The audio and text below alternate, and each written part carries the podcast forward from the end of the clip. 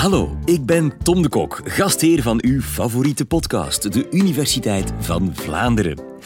Vandaag hebben we Petra Meijer achter onze microfoon.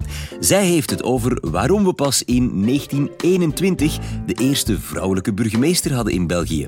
Vrouwen tot 1948 moesten wachten om te gaan stemmen en pas in 1976 zonder toestemming van hun man een eigen zichtrekening konden openen. Ben je er nog of ben je nu van je stoel gevallen? Jawel, we hebben het over de strijd om vrouwenrechten en waarom die nog altijd niet volledig gestreden is. Welkom bij de Universiteit van Vlaanderen.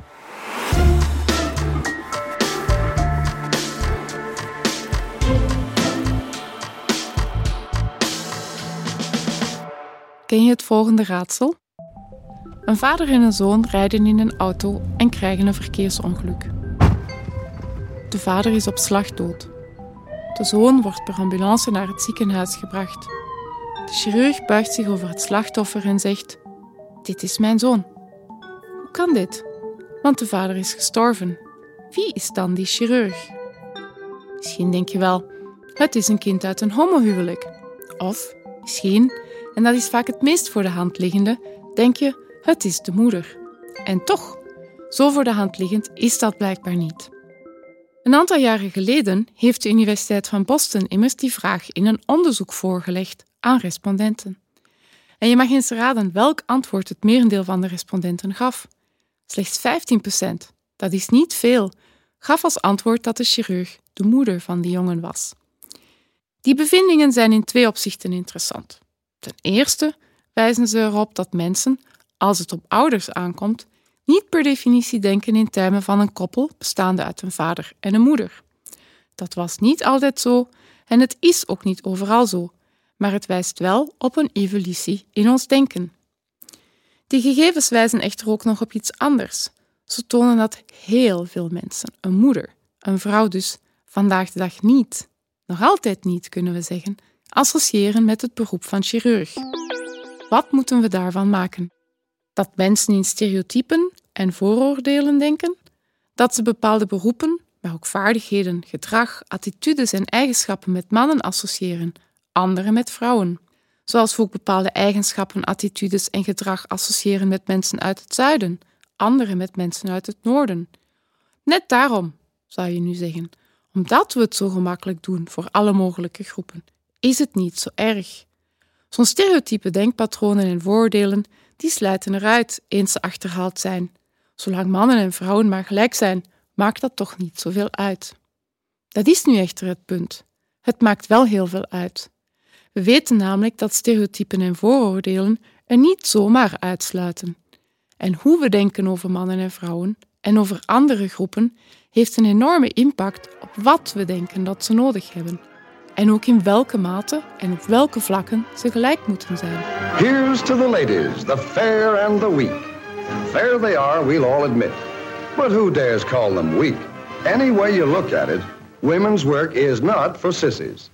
The homemaker walks miles every day, from sink to icebox, from cupboard to stove, and from kitchen to dining table. Stereotypen en vooroordelen beïnvloeden dus mee hoe we denken dat de gelijkheid van mannen en vrouwen eruit moet zien.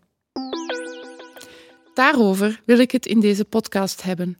Over wat de gelijkheid van mannen en vrouwen inhoudt, hoe we ze in de loop van de tijd vormgegeven hebben en wat de grote uitdagingen vandaag nog zijn.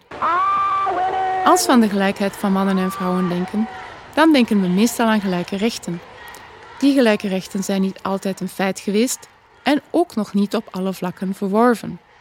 De Belgische samenleving was, zoals de meeste samenlevingen, initieel geen egalitaire samenleving. Aan de basis ligt een model waarin sommigen veel meer rechten hadden dan anderen. Rijken hadden meer rechten dan armen, hoogopgeleiden meer dan laagopgeleiden, mannen meer dan vrouwen. In de loop van de tijd zijn we meer democratische samenleving geworden. We zouden ook kunnen zeggen dat we meer egalitaire samenleving geworden zijn, dat er meer gelijkheid is. Het hangt uiteraard altijd af vanuit welk perspectief men naar een samenleving kijkt. In economisch opzicht kunnen we niet zomaar van een egalitaire samenleving spreken. Maar het is wel een feit dat burgers vandaag meer gelijke rechten genieten dan initieel het geval was. In de politieke wetenschappen is er veel aandacht voor de ontwikkeling van de positie van burgers in een samenleving en de rechten en plichten die ze hebben. Een van de grondleggers van het denken daaromtrent is de Brit Thomas Humphrey Marshall. In 1950 publiceerde hij Citizenship and Social Class. Daarin presenteert hij een typologie van de rechten die burgers in de huidige samenleving hebben. Volgens die typologie ontstonden de civiele, dan de politieke en tenslotte de sociale rechten. Civiele rechten hebben betrekking op goederen en vermogen, familie en personen. Privébezit valt daaronder, erfenissen ook. Onder politieke rechten valt uiteraard het recht om deel te nemen aan verkiezingen. Sociale rechten zijn rechten die te maken hebben met het recht op arbeid, sociale zekerheid, bescherming van de gezondheid en dat soort zaken meer. Het zijn rechten die gepaard gaan met de ontwikkeling van de welvaartsstaat, een fenomeen van de 20e eeuw. Als we naar de definitie van die drie types rechten kijken, dan zien we inderdaad dat civiele rechten vaak ouder zijn dan politieke en die ouder zijn dan sociale. Maar, en dit is een heel belangrijke kritiek op het werk van Marshall en brengt ons bij de kern van deze podcast, dat gold absoluut niet voor iedereen. Het gold vooral niet voor vrouwen. Als we kijken naar westerse samenlevingen, zoals de Belgische, dan zien we inderdaad dat de politieke en sociale rechten ontwikkeld en uitgebreid werden na de civiele. Denk maar aan het algemeen stemrecht voor mannen of aan betaald verlof. En dat dit hand in hand ging met de democratisering van de samenleving. Maar dit gold dus in grote mate voor mannelijke burgers, niet voor vrouwelijke. Hoe zit dat dan met de evolutie van rechten van vrouwen in België? In 1864 opent in Brussel een eerste middelbare school voor meisjes. Meisjes mogen en kunnen vanaf nu naar het lager middelbaar onderwijs. 16 jaar later zet de Brusselse Universiteit haar deuren open voor vrouwen. Die van Luik en Gent volgen telkens een jaar later. De telefoon kwam in Brussel in omloop eer dat vrouwen naar de universiteit mochten. Ze zouden het niet aankunnen. Ze zouden vooral ook mannen uit hun concentratie halen. Good morning, girls. I'm going to talk to you this morning about the way you look. Now, I've heard it said that we women attach too much importance to our appearance. But that isn't true. After all, the way we look exerts so much influence on the way we feel and on the way other people feel about us that it really is very important. Basically, of course, good health and intelligent physical care are the foundations of all beauty. In 1884 opent Isella van Diest een praktijk als arts. Om haar tot dat beroep toe te laten, moest een speciaal koninklijk besluit uitgevaardigd worden. Zes jaar later krijgen vrouwen in het algemeen toegang tot de beroepen van arts en apotheker. Maar ze moeten wel tot na de Eerste Wereldoorlog, namelijk tot 1922, wachten eer dat ze het beroep van advocaat mogen uitoefenen. Het is ook de tijd waarin heel voorzichtig eerste stappen richting gelijk loon gezet worden. In 1921 worden immers gelijke weddenbarima's ingevoerd voor onderwijzers en onderwijzeressen. Het duurt dan nog een halve eeuw, tot in 1971, eer dat vrouwen ook recht hebben op dezelfde werkloosheidsvergoedingen als mannen. It seems to me that it's never going to be the right time for women to get equal pay. And the only way we're ever going to get it is by strike action. I think so far the only people who've achieved equal pay, aside from civil servants, they've had to strike to get it. En het duurt nog langer, tot in 1975, eer dat er binnen het sociaal overleg een collectieve arbeidsovereenkomst afgesloten wordt over gelijke beloning voor mannen en vrouwen. In 1952 heeft België een conventie van de Internationale Arbeidsorganisatie ondertekend, maar die is dus lange tijd door de letter gebleven. Vrouwen en betaald werk buitenshuis, dat is lang geen evidente combinatie geweest. Vrouwen hebben altijd meegewerkt, op het land, en veel vrouwen deden thuiswerk. Denk maar aan de vlas en aan de kantnijverheid. Maar buitenshuis gaan werken, wat opkwam met de industrialisering, werd door de wetgever aan banden gelegd, zeker voor getrouwde vrouwen. Give her to somebody else. I ask for a man. What's wrong with her? She's a woman, isn't she? Sinds de eeuwwisseling mocht een getrouwde vrouw wel al een arbeidscontract afsluiten en haar salaris innen, met een maximum van 3000 frank per jaar. Maar het duurt tot 1958, dus lang na de Tweede Wereldoorlog, eer dat gehuwde vrouwen zonder de tussenkomst van hun man beslissingen mogen nemen over bijvoorbeeld werk. Vanaf dan moeten gehuwde vrouwen hun man letterlijk niet meer gehoorzamen. En pas in 1969 wordt het bij wet verboden om vrouwen in geval van zwangerschap of, vandaag nog minder voorstelbaar, huwelijk te ontslaan. Oh, Mr. Bradshaw, I wanted to tell you that the date is set for my marriage. Marriage? I thought you just got engaged. Well, I told you about it six months ago. We were only waiting till we could find a place to live. Why didn't you say something? I didn't realize you were getting married right away. Well, I'm sorry, Mr. Bradshaw, but, but I really thought you knew. We've all been talking about it. Na de Eerste Wereldoorlog in 1921 kregen vrouwen gemeentelijk stemrecht, met uitzondering van prostituees en overspelige vrouwen, een thema dat bij mannen niet opgeworpen werd. Ze mogen ook lokale politieke mandaten bekleden, zoals het ambt van burgemeester, iets wat ze vandaag nog steeds amper doen. En ook daarvoor hadden gehuwde vrouwen de toestemming van hun echtgenoot nodig. Als gevolg van de oorlog kreeg een beperkte categorie vrouwen algemeen stemrecht. Dat waren moeders en weduwen van militairen of burgers die gedood werden door de vijand. Vrouwen die gevangen genomen of veroordeeld werden door de bezetter. Pas in 1948, na de Tweede Wereldoorlog, krijgen dan alle vrouwen stemrecht voor alle politieke niveaus. De hand van de vrouw, geschapen om te worden getooid, om te behagen, om te bekoren. Weldra gaat u een potlood krijgen en gaat u een andere opdracht kunnen volbrengen. Ik heb er al een paar keer op gewezen dat gehuwde vrouwen de toestemming van hun echtgenoot nodig hadden. Aan die ongelijke verhouding in een huwelijk is veelal pas in de jaren 70 een einde gemaakt. We hadden het massatoerisme al ontdekt, trokken in de zomer met vliegtuig of caravan naar de Middellandse Zee, maar het duurde tot 74 eer dat moeders evenveel te zeggen kregen over de opvoeding van hun kinderen als vaders. Dat is best ironisch als je bedenkt dat de wetgever, en die niet alleen, lange tijd maatregelen uitgevaardigd heeft die erop bedacht waren dat vrouwen voor kinderen zouden zorgen. Waarom geaarzeld voor uw partij te stemmen? Het is te zeggen voor de partij die een ononderbroken strijd heeft gevoerd voor uw welzijn en het welzijn van uw familie. Denk even na hoe de kindervergoeding en de pensioenen voor weduwen en wezen u van pas zouden kunnen komen om uw kinderen degelijk op te voeden. Nog belangrijker voor de gelijkheid van mannen en vrouwen is wellicht het feit dat gehuwde vrouwen vanaf 1976 een zichtrekening mogen openen zonder dat ze daartoe de toestemming van hun man nodig hebben. En nog eens 13 jaar later, in 1989, de muur van Berlijn valt, krijgen we de eerste drastische wijziging van de definitie van verkrachting, waardoor verkrachting binnen het huwelijk erkend wordt. Binnen het huwelijk, zo werd tot dan toe geredeneerd door de wetgever, was er altijd toestemming tot seks. En in 2007 komt er de Genderwet ter bestrijding van discriminatie tussen vrouwen en mannen. Aan die bonte lijst doorheen de tijd verworven rechten kunnen we drie belangrijke conclusies koppelen. De eerste conclusie is dat vrouwen veel rechten pas later verwerven dan mannen. Immers, alle gebeurtenissen en beslissingen die hier opgesomd werden, gaven vrouwen toegang tot iets waar mannen reeds toegang toe hadden. Tenminste formeel gezien, Uiteraard konden weinig mannen het zich veroorloven om te gaan studeren in 1880. Dat was weggelegd voor de happy few. Maar het was hun socio-economische of hun maatschappelijke positie die hen daarvan weerhield, niet hun sekse. Vrouwen mochten niet gaan studeren omdat ze vrouw waren.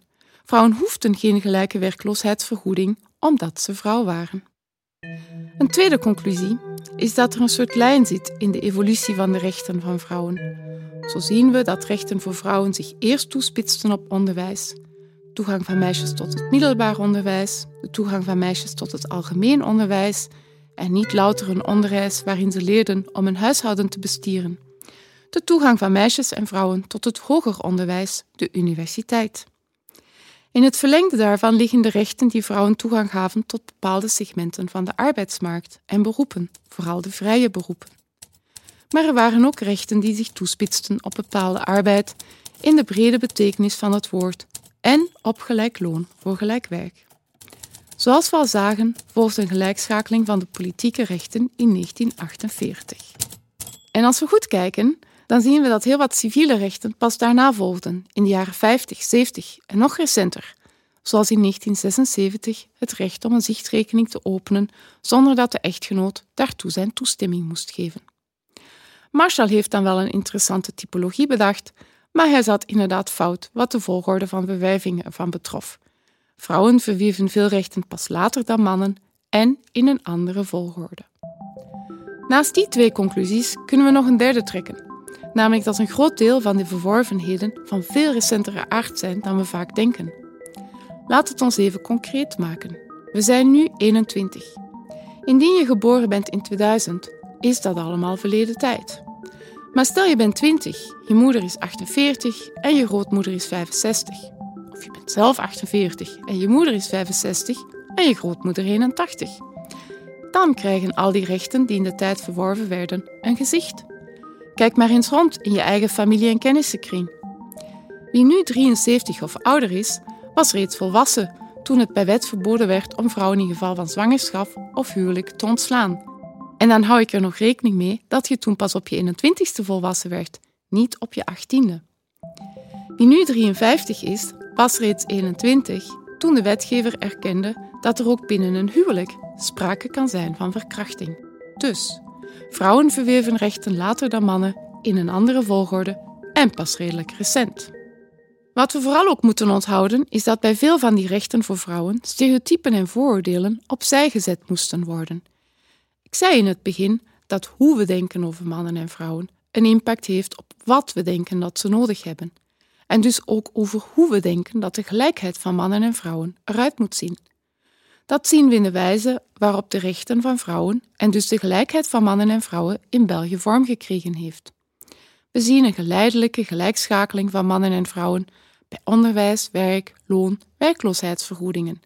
Het gaat echter ook om de ontvoogding van de vrouw ten opzichte van haar echtgenoot, zoals bij het recht om voor zichzelf te beslissen zonder toestemming van de echtgenoot, iets wat andersom nooit geëist werd.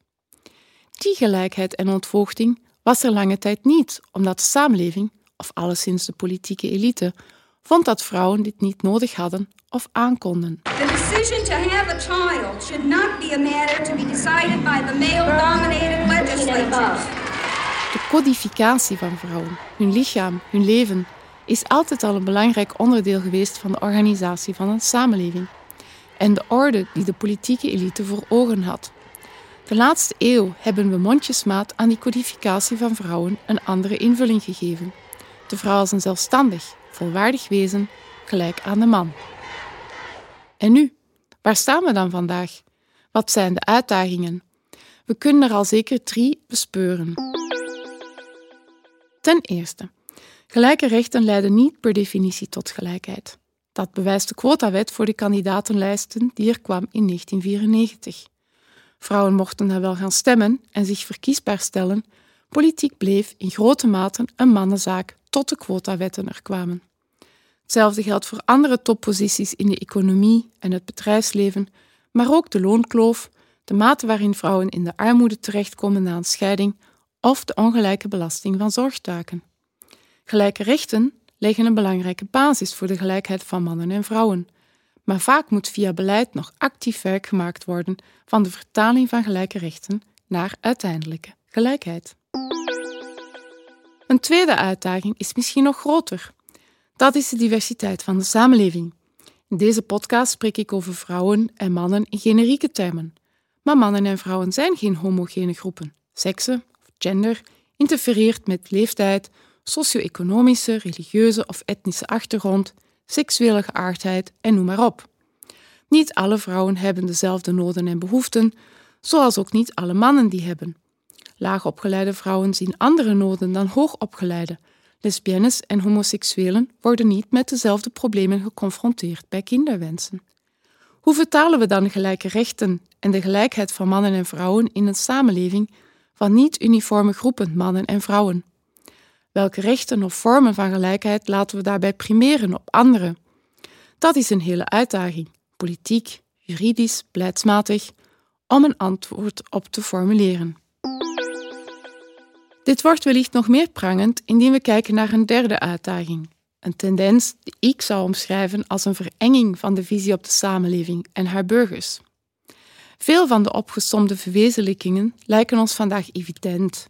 Gelijkheid een verworven zaak, maar veel van die verwezenlijkingen zijn kwetsbaar, worden in vraag gesteld. Denk maar aan abortusrechten, die in een aantal landen van de EU zwaar onder vuur liggen en teruggeschroefd worden. Dat lijkt een ideologische of een levensbeschouwelijke kwestie te zijn.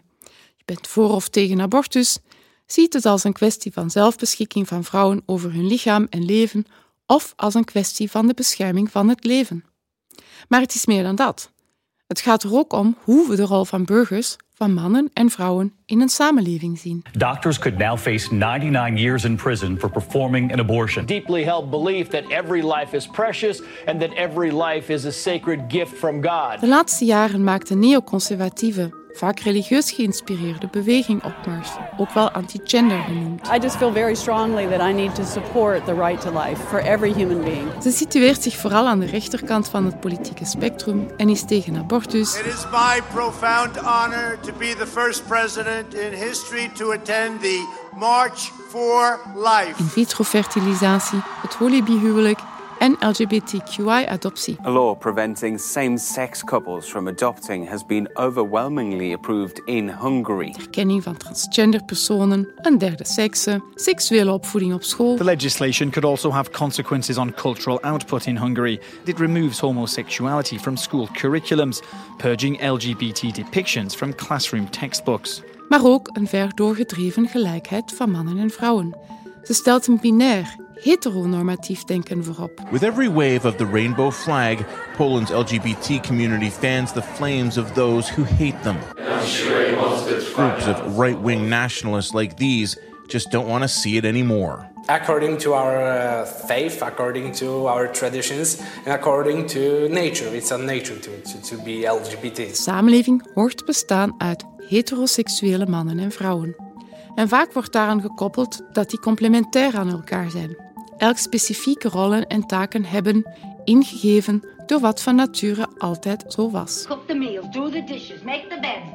Mannen en vrouwen als aan elkaar complementaire burgers zien, brengt een heel ander denken in termen van gelijke rechten en gelijkheid met zich mee dan we in België doorheen de tijd ontwikkeld hebben. In dat geval hebben mannen en vrouwen niet noodzakelijk dezelfde rechten nodig, maar complementaire. De discussie gaat niet meer over het feit dat vrouwen kleinere hersenen hebben of te emotioneel zijn om bepaalde studies aan te vatten of beroepen uit te oefenen, zoals vroeger aangehaald werd als argument tegen de toelating van vrouwen tot universiteiten en balies. Maar het opkomende discours over wie vrouwen en mannen zijn en wat ze nodig hebben, is niet gespeend van verwijzingen naar de natuurlijke orde der dingen. Dit is een verenging van de visie op de samenleving en haar burgers, vaak niet gespeend van stereotypen en vooroordelen. Dus, hebben we dan nog nood aan een minister van gelijke kansen? Zeer zeker, als we kijken naar alle uitdagingen die er zijn. We zijn nog lang niet uitgepraat over de gelijkheid van mannen en vrouwen. Dat is wel duidelijk. Dank u wel, professor Meijer. Wat uh, interessant, experte in gender equality. Um, hoe staat het vandaag met, met die uh, gelijkheid? Je hebt het al even aangeraakt, maar um, zijn we nog aan het vooruitgaan wat de gelijkheid van um, vrouwen met mannen betreft? Zijn we um, op sommige vlakken op de terugweg of is er sprake van een stagnatie? Hoe zie jij dat? Het beeld is een beetje gemengd. Op zich kunnen we zeggen dat er vooruitgang geboekt wordt in de zin dat we heel veel formele gelijkheid wel hebben en dat het een kwestie is om dat te vertalen naar de praktijk. Zoals bijvoorbeeld het wegwerken van zoiets als de loonkloof. Er zijn formele regels die zeggen dat vrouwen een gelijk loon horen te krijgen voor gelijk werk, maar je moet dat dan natuurlijk in de praktijk ook omzetten. Dat is één zaak. Daarnaast zien we op sommige vlakken zeker een vorm van stagnatie.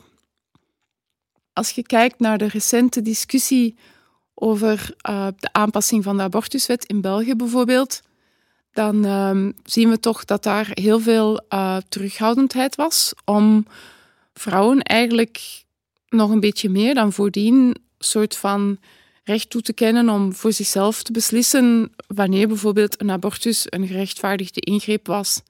Vrouwenrechten zijn vooral een mannenprobleem. Eh, want het zijn vooral wij mannen die daar altijd, uh, ja, die, die, die een soort, wat is dat? Hoe moet ik dat zien? Houden, wij houden krampachtig vast aan een soort archaïsche machtspositie? Of is het toch zoals als je die complementaire maatschappij daar schetst, dan denk ik van, ah ja, maar dat, dat is eigenlijk misschien ook een naïef romantische gedachte van sommige mannen. Die denken van, ja, maar het is door God zo gegeven, of het is, het is nu eenmaal zo dat wij, uh, dat wij een bepaalde taak hebben en vrouwen een bepaalde taak. Zijn, zijn wij mannen gewoon machtswellustelingen? Is dat het probleem? Ik denk niet dat mannen zo wat machtswellustelingen zijn. Maar het is natuurlijk zo dat als je vrouwen bepaalde rechten toekent, je die mannen voor een stukje ontneemt. Of dat je mannen voor een stukje een soort van geprivilegeerde positie ontneemt. Dat is een discussie die we heel duidelijk hadden bij de quotawetten in de politiek. Want elke vrouw meer op een kandidatenlijst is een man minder op een kandidatenlijst. Of elke vrouw die geselecteerd wordt voor een topjob is een man minder die geselecteerd wordt voor een topjob. Want dat lijstje is, dat lijstje is gewoon eindig. Daarnaast is het natuurlijk ook zo dat ideologische overtuigingen een rol spelen. Hebben we een, wat voor beeld van de mens hebben we voor ogen als we bepaalde rechten, als we bepaalde plichten definiëren? Zien we mensen als gewoon elk voor op zich staande wezens die elk ook voor zich horen te zorgen? Ja, financieel bijvoorbeeld. Of zien we effectief mannen en vrouwen als een soort van traditionele, natuurlijke hoeksteen van een samenleving, waarbij je dan een soort van verbond sluit, een soort van compromis sluit tussen oké, ik zorg voor de inkomsten en jij zorgt voor de kinderen. Die meningen gaan uiteen en al naar gelang in welke richting ideologisch een samenleving beweegt, bewegen dat soort denkbeelden mee.